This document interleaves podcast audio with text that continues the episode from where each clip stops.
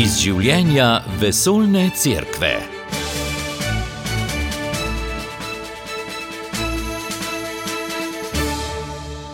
Krščansko združenje evropskih učiteljev je letos pripravilo srečanje v Albaniji, državi, ki je bila desetletja uradno ateistična.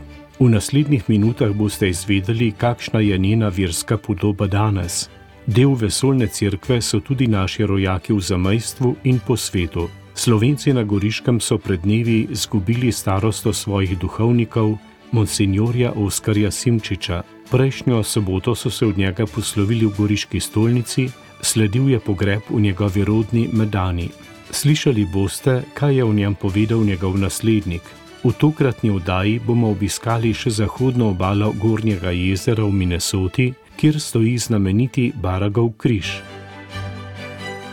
V oddaji iz življenja vesoljne cerkve odpiramo temo tedna.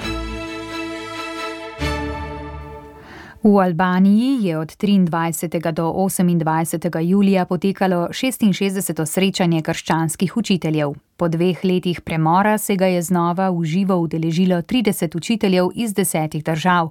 Srečali pa so se v Tirani. Naslov letošnjega srečanja je sporočilen: Brez spomina ni poti naprej.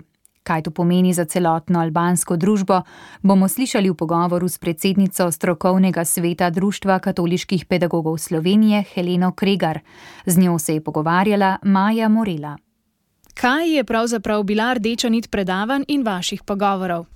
Tale sjesk, ki se ga kot slovenci udeležujemo že kar več kot deset let, člani tega uh, Evropskega združenja smo namreč že 30 let, je vedno namenjen aktualni temi, ki je problematična ali pa izpostavljena za tisto državo, ki je gostiteljica kongresa. Letos je bila to Albanija, zato se je predsedstvo kongresa odločilo za ta naslov, brez spomina ni poti naprej. In pod tem naslovom smo se v, neko, v neki.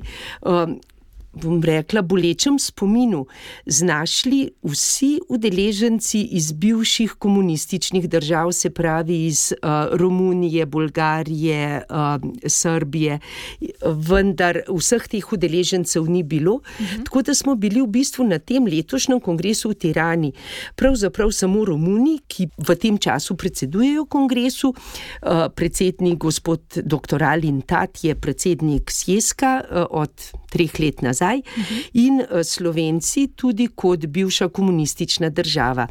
Videli smo, da je razumevanje kolegov iz zahodnoevropskih držav za ne bom rekla probleme, ampak za držo in za vzdušje in za način razmišljanja, ki ga imamo udeleženci iz bivših komunističnih držav, um, to razumevanje ni vedno na mestu in nas gledajo in poslušajo z nekim presenečenjem, posebno še recimo Slovence in Romune, ki smo že člani Evropske uh, družine, uh, medtem ko Albanija, ki bo šele vstopila v Evropsko zvezo, je nekako razumljena kot država, ki je imela težave s komunizmom, velike in ki eh, ta komunistični. Režim na nje še močno vpliva.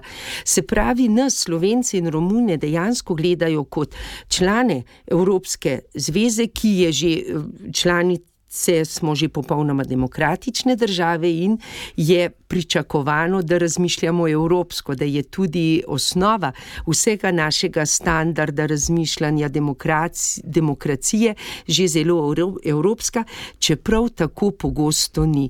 In prav to smo jim nekako skušali razložiti uh, za boljše razumevanje in mogoče nam je kaj uspelo. Komunizem je torej, kot ste rekli, zelo vplival na življenje in na vse družbene tokove. Zdaj, kako se ti težki komunistični časi za Albance odražajo na prebivalcih te dežele danes in koliko je krščanstvo tam pravzaprav živo? Katoličanov je v Albaniji približno 10%, uh -huh. potem okrog 60% je muslimanov. En velik delež pripada tudi neki novi verski skupnosti, ki ima uh, sedež. Uh, v marsikaterem mestu, no, ampak mi smo se v glavnem soočali s katoličani, uh -huh. predvsem um, seveda z frančiškanko, sestro Judito Marku, ki je bila organizatorica uh, tega našega kongresa, in uh, profesorico Irido Kuči, ki je bila prav tako organizatorica. No, in uh, oni dve. In predavatelji, ki jih je bilo kar nekaj, so nam skušali prikazati sedanjo klimo albanskega naroda, življenja njihovega in to klimo osvetliti za njihovo zgodovino. Kako se to kaže v življenju, v tem utripu, ki smo ga mi zaznali v tem tednu življenja v Albaniji, je v bistvu težko povedati. Kaj ti mesto Albanija, tudi Skadar, tudi Laci, eh, ta tri mesta, no, smo si nekako ogledali, uh -huh. živijo popolnoma evropski utrip. Predvsem Tirana je kot res svetla prestolnica, v kateri se nevrjetno veliko gradi, veliko kapitala prihaja iz uh, izseljenske matice, pa je Albancev v tujini približno 3 milijone, uh -huh. malo manj kot 3 milijone jih živi v Albaniji. Uh -huh. In ta kapital omogoča izreden infrastrukturni razvoj, ki bo pa je namenjen predvsem turizmu in nadstandardu. Običajni ljudje se soočajo z zelo nizkim življenjskim standardom, predvsem na podeželju, kar je logično. Njihove povprečne plače učiteljske so razmeroma nizke.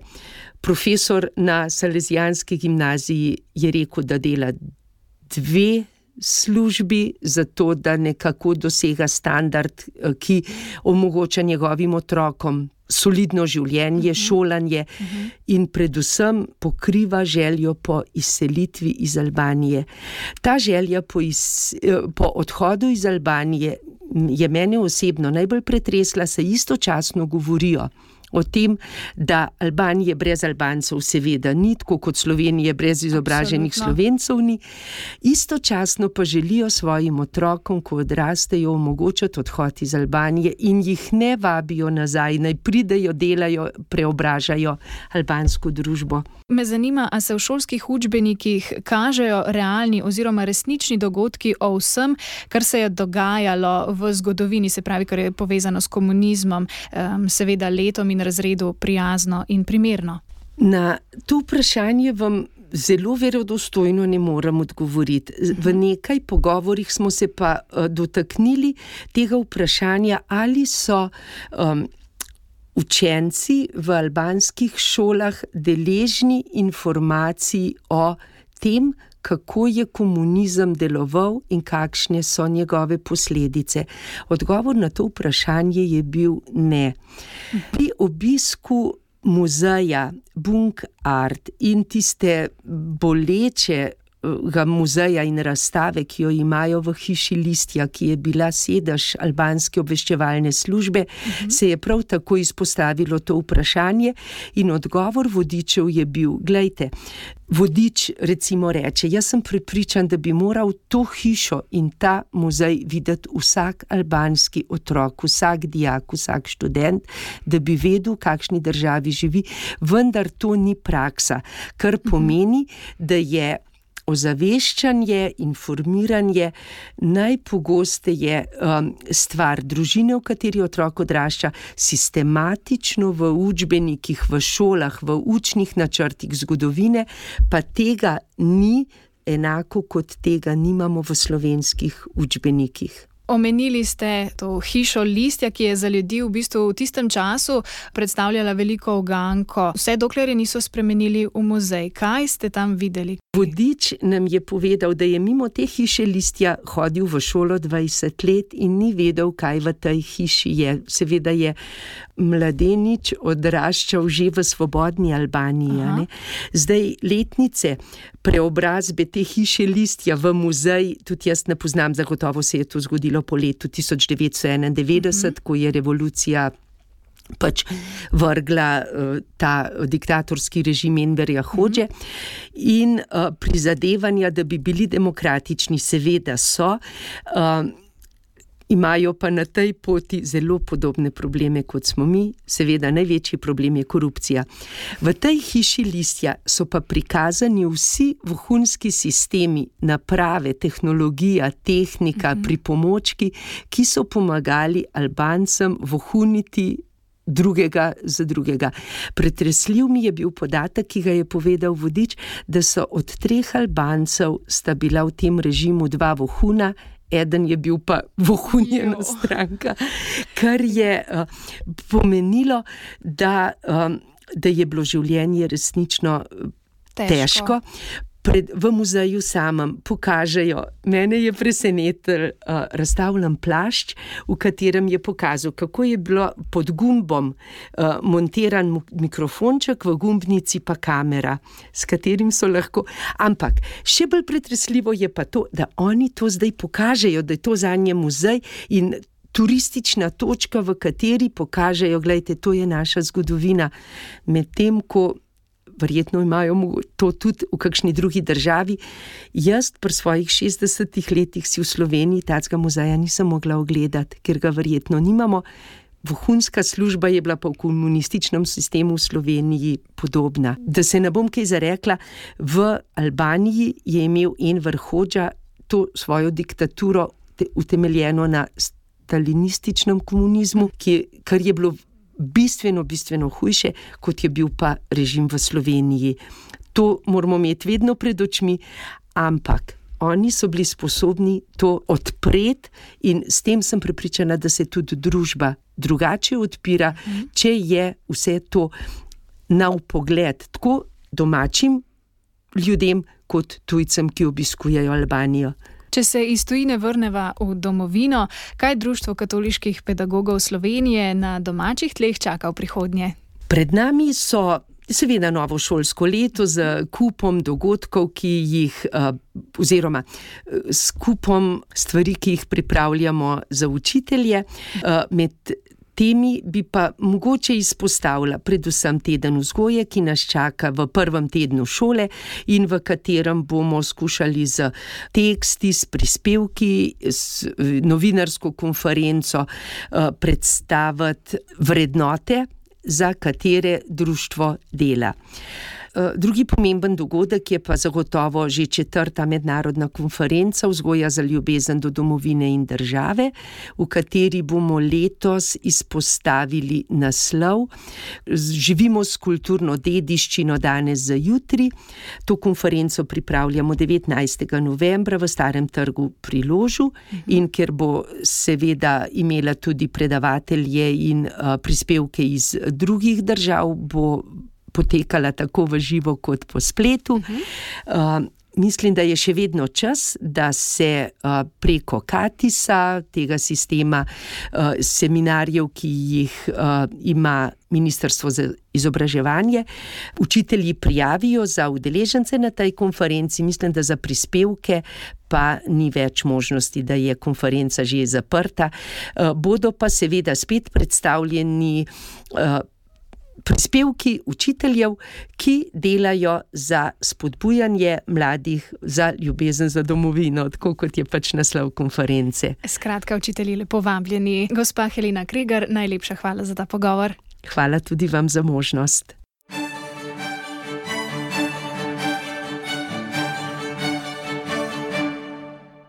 Ob smrti monsignorja Oskarja Simčiča smo poklicali vikarja za slovenske vernike v Goriški na Čkofiji, gospoda Karla Bolčino. Gospod Karlo, najprej lepo pozdravljeni. Dober dan tudi vsem poslušalkam in poslušalcem Radio Ognišče. Na nek način danes v veliki meri opravljate delo, ki ga je pred desetletji opravljal monsignor Oskar Simčič. Od tega, da ste vikar, skrbite za slovence v Milanu in še marsikaj drugega. Kako ste vi doživljali gospoda Oskarja Simčiča? Sinoči, ko sem eh, izvedel eh, v našem duhovniškem domu, da se je poslovil tega zemeljskega življenja, eh, Mosnjor Oskar, sem prav to pomislil, da sem v marsičem njegov naslednik. Moji prvi spomini na njega eh, se je gotovo otroška leta, ko je kot duhovni prihajal v našo župnijo, ampak takrat je bil še tako oddaljen, tudi zato, ker je bil še študent, eh, ker je bil župnik v Števrjanu, torej ne v mestu Gorica. Nisem imel z njim kakšnih posebnih stikov. Tesnejši stiki so se začeli eh, na gimnaziji, kjer je počoval verok in lahko rečem danes, da je pa zaprav ne verok, pač pa moralno teologijo in krščansko etiko. In v njej, v teh dveh tematikah, je bil zelo, zelo podkovan.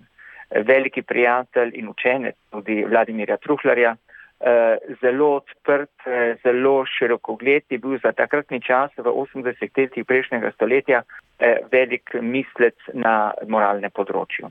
Potem sem ga gotovo srečeval v letih bogoslovja. Sicer me ni on eh, neposredno spremljal, ker je bil moj duhovni voditelj drug, ampak zaradi službe, ki je imel, sva bila večkrat v stiku.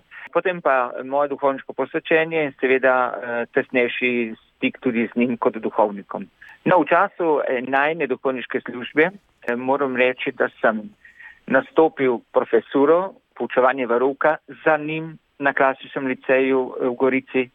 Eh, nastopil sem službo duhovnega eh, voditelja krščanske skupnosti v Milanu, za njim on 20 let približno, jaz 20 let približno. Nastopil sem službo škofovega vikarja za slovence, za njim ne direktno, ampak indirektno sem obstopil tudi službo v Goriškem horevi družbi, sicer neko član same družbe, pač pa kot član odbora zadruge, v katero je Goriška Mohorjeva družba vključena. In še ne, na marsikterem področju pravzaprav sem mu nasledil. Ne. Z Mosnjorjem Oskarjem sem se veliko pogovarjala, posebej, ko sem postal vikar, ker sem ga večkrat prosil za nasvet, za mnenje. Njegova zelo bogata izkušnja je bila vedno dobrodošla.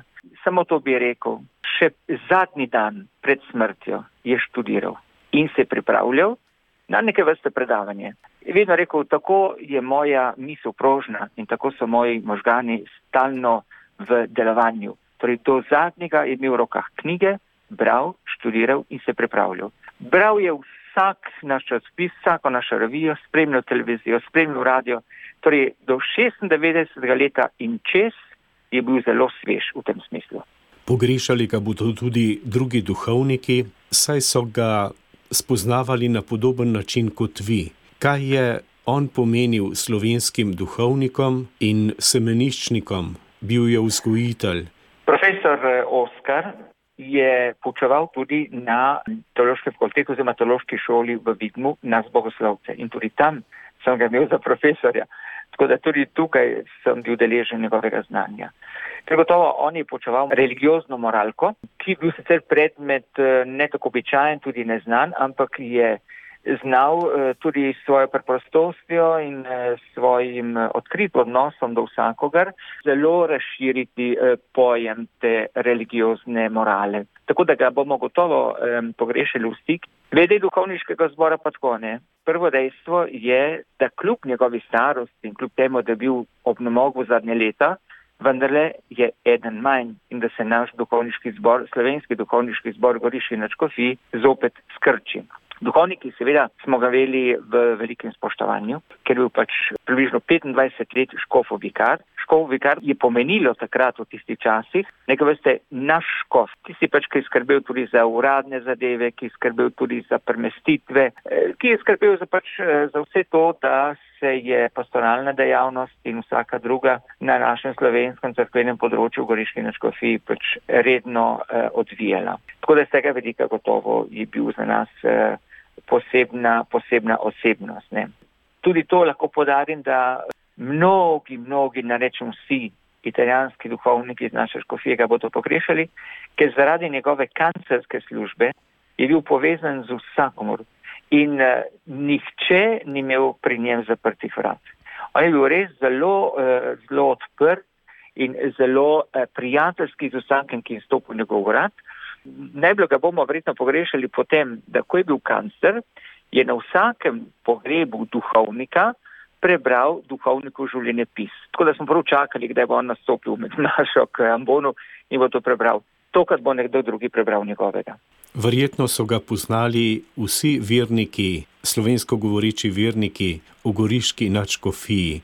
Kaj pa je pomenil njim, kaj oni izgubljajo z njegovim odhodom? Če lahko začnem prav pri koncu sinoči, ko sem izvedel za njegovo smrt, sem to pač takoj objavil na Facebooku in v kratkem času je bilo neverjetno veliko število takih, ki so se ga spomnili ker so bili pač njegovi dijaki, ker so ga slišali in sodelovali eh, pri maši, ki jih je vodil, eh, ker so bili z njim v stik na znanstvenem področju, na kulturnem področju, na družbenem področju. Torej, veliko, veliko vernikov naših kofij gotovo je imelo stik z njim. Če drugega ne so pač vedeli, gospod Simčič je vikar in če gospod Simčič reče, gospod Simčič kaj vpraša, je vendar Tuškofov vikar in je vreden vsega spoštovanja. Tako da gotovo verniki so ga imeli na poseben način in ga imamo še vedno na poseben način v, v častih. To lahko rečem, da ko je bilo potrebno kakšno tako razodlati, kakšno tako težko vprašanje, ali pa ko je bilo potrebno predlagati, pripraviti kakšno težo teološko tematiko, znanstveno tematiko, je bil vedno gospod Oskar Simšič. In še to lahko rečem, ne samo v našem slovenskem ambientu, tudi v italijanskem ambientu je bil zelo spoštovan in je vodil celo italijanske tečaje za zoročence, vodil je celo italijansko teološko šolo, ki so ga imeli zelo, zelo v častih. Ko smo ga pred leti predstavili na Radio Ognišče v oddaji Naš gost, je povedal nekako takole: Ko pogledam na svoje življenje, sta dve zgodovinski dejstvi, ki sta me globoko zajeli in tudi predrugačili. Na civilni ravni partizanstvo in osvoboditev, na crkveni pa drugi vatikanski crkveni zbor. Vam je kdaj morda omenil, kako sta ti dve dejstvi vplivali na njegovo življenje? No, glede prve, morda nekoliko manj, ker so bili pač takrat težki časi. Čeprav, ker je doživljal fašizem, je doživel seveda tudi čas osvoboditve. Sicer uh, on je bil med tistimi bogoslovci takrat, so pr, ko so bili prav na mejne in so se prav, prav skrivali, da so včasih šli domov iz Gorice v Medano, da so pozdravili domače. Uh, tako so bili pač tisti težki časi, ampak gotovo on je doživljal potem to osvoboditev kot nekaj zelo za velikega in po drugi strani je bil tudi zelo, zelo žaloščen in zelo, zelo razočaran, ko v takratni Sloveniji oziroma takratni Jugoslaviji ni nastopila popolna svoboda, kako smo si primorski slovenci zamislili in si želeli, ker to je vedno podaril tudi on da pomovci smo čisto drugače gledali na to stvar, ker smo predoživljali več kot 20 let fašizma in vemo, kaj pomeni zatiranje. Tako da takrat smo bili pravzaprav so bili naši predniki in on tudi predvsej razočarani. Njegova veliko, veliko veselje pa je bil drugi vatikanski koncil in to je pa res vedno vsakomur povedal. Tako da ko je doživljal Vatikanski koncil in ga je doživljal pravzaprav v prvi osebi, ker je bil deloma tudi prisoten v tistem času v, v Rimu, ko je to doživljal, rekel, aj mogoče, da je crkva lahko tako lepa, prosta, svobodna, da je kraj, kjer Gospod izraža ljubezen v svobodi in ne eh, kar naprej v formalizmih, v ritualizmih, v zahtevah, v zakonih, v kalupih. Zanje je bil drugi vatikanski koncil ne stoletna eh, novost, ampak svetovna zgodovinska novost za crkv. Po pravici povem, da so bile vse njegove homilije, pa tudi njegova bogoslužja, vedno, vedno v luči drugega vatikanskega koncila. In, in ponavljam, to je vedno podaril komorkoli. Ko smo ga ob njegovi 90-letnici vprašali, kateri je najlepši spomin življenja, je rekel drugi vatikanski koncil. Gospod Karlo Bolčina, hvala vam, da ste nam predstavili svojega predhodnika, Oskarja Simčiča in verjetno v marsičem tudi vašega vzornika. Hvala lepa tudi vam, da ste mi ta vprašanje postavili. Vesel sem, da sem lahko vsem poslušalkom, poslušalcem predstavil človeka, za katerega morda danes, takoj po smrti, še ne vemo, ampak sem prepričan, da v kratkem v prihodnosti bo zaslovel kot velik slovenec, velik narodnat, zaveden, zlasti pa človek, ki je ljubil jezik, narod in kulturo. Čestitljivi božji služabnik Friderik Baraga je prejšnji mesec dočakal pomembno potrditev svojih rojakov in domovine. Rojen je bil v času avstro-ogrske monarhije, zato so ga mnogi poznali kot Avstrica. Po prvi svetovni vojni je bil za nekatere jugoslovan, Tako je bilo na primer zapisano na križu, ki spominja na čudežno rešitev njega in njegovega vodnika na razburkanem Gornjem jezeru. Ta križ je dobil novo spominsko ploščo. Na njej je zdaj zapisano, da je bil svetniški škof rojen v Sloveniji. To ne gorjub. Častnega konzula Slovenije v Minnesoti Mira Medveda je večkrat zmotil napis na spominskem obeležju na kraju, kjer se je misionar Baraga s svojim vodnikom rešil pred hudim neurjem, saj je bilo zapisano, da je bil Baraga rojen v Jugoslaviji. Po ustrajnem prizadevanju je dobil od svetnih in crkvenih oblasti dovoljenje, da kovinsko ploščo z napisom zamenja z novo in popravi besedilo. Tako se je prejšnji mesec pri Baragovem križu, blizu kraja Šreder, kjer se križna reka izliva v Gornje jezero, zbrala lepa skupina rojakov pri odkritju in blagoslovu nove spominske plošče. Zbrane sta nagovorila častni konzul Medved in veleposlanik Slovenije v Washingtonu Tone Kajzer. Slednji je spomnil na vezi med ZDA in Slovenijo, ki letos praznujeta 30. obletnico vzpostavitve diplomatskih odnosov. Mi vemo, oziroma mogoče se v Sloveniji celo premalo ve, kaj je vse postoril Škof eh, Baraga, oziroma kakšno je bilo njegovo samaritansko in nasplošno delo tukaj. Vse te zgodbe sestavljajo mozaik tega, kar smo Slovenci na nek način prispevali, da je ta država, ta, te združene države Amerike, da so tako uspešna, močna in pomembna država. Duhovnik iz nekaj deset mil oddaljene župnije pa je v daljši blagoslovni molitvi spomnil na Friedrika Baraga, ki ga občudujejo prvotni prebivalci države in priseljenci, katoličani in evangeličani, pa tudi nevirni. Slovesnost je s petjem obogatila vokalna skupina Krila. S petjem so sodelovali tudi drugi rojaki. Mnogi med njimi ne govorijo več slovensko, poznajo pa nekaj pesmi in radi zapojejo. Tako je kraj na zahodnji obali Gornjega jezera, kjer stoji Baragov križ, za nekaj časa postal del Slovenije. Slednjo v srcu nosijo tudi tisti, ki so daleč od doma. Zapis ob usnožju križa obiskovalcu pove, da je Baraga leta 1846 zvedel za epidemijo, ki je prizadela domačine v kraju Grand Portage. Zato se je z vodnikom iz svojega misijona v La Pointu z majhnim čovnom odpravil k njim. Zaradi nenadne nevihte in visokih valov sta se znašla v življenjski nevarnosti, a sta bila čudežno rešena, ko je njun čovn odneslo prek peščenega nasipa v mirno ustje križne reke. Na zahvalni dan so na tem kraju postavili majhen lesen križ, ki so ga kasneje zamenjali s tem granitnim. V nadaljevanju je na plošči nekaj podatkov iz Baragovega življenja. Odslej lahko vsak prebere, da je Baraga slovenec.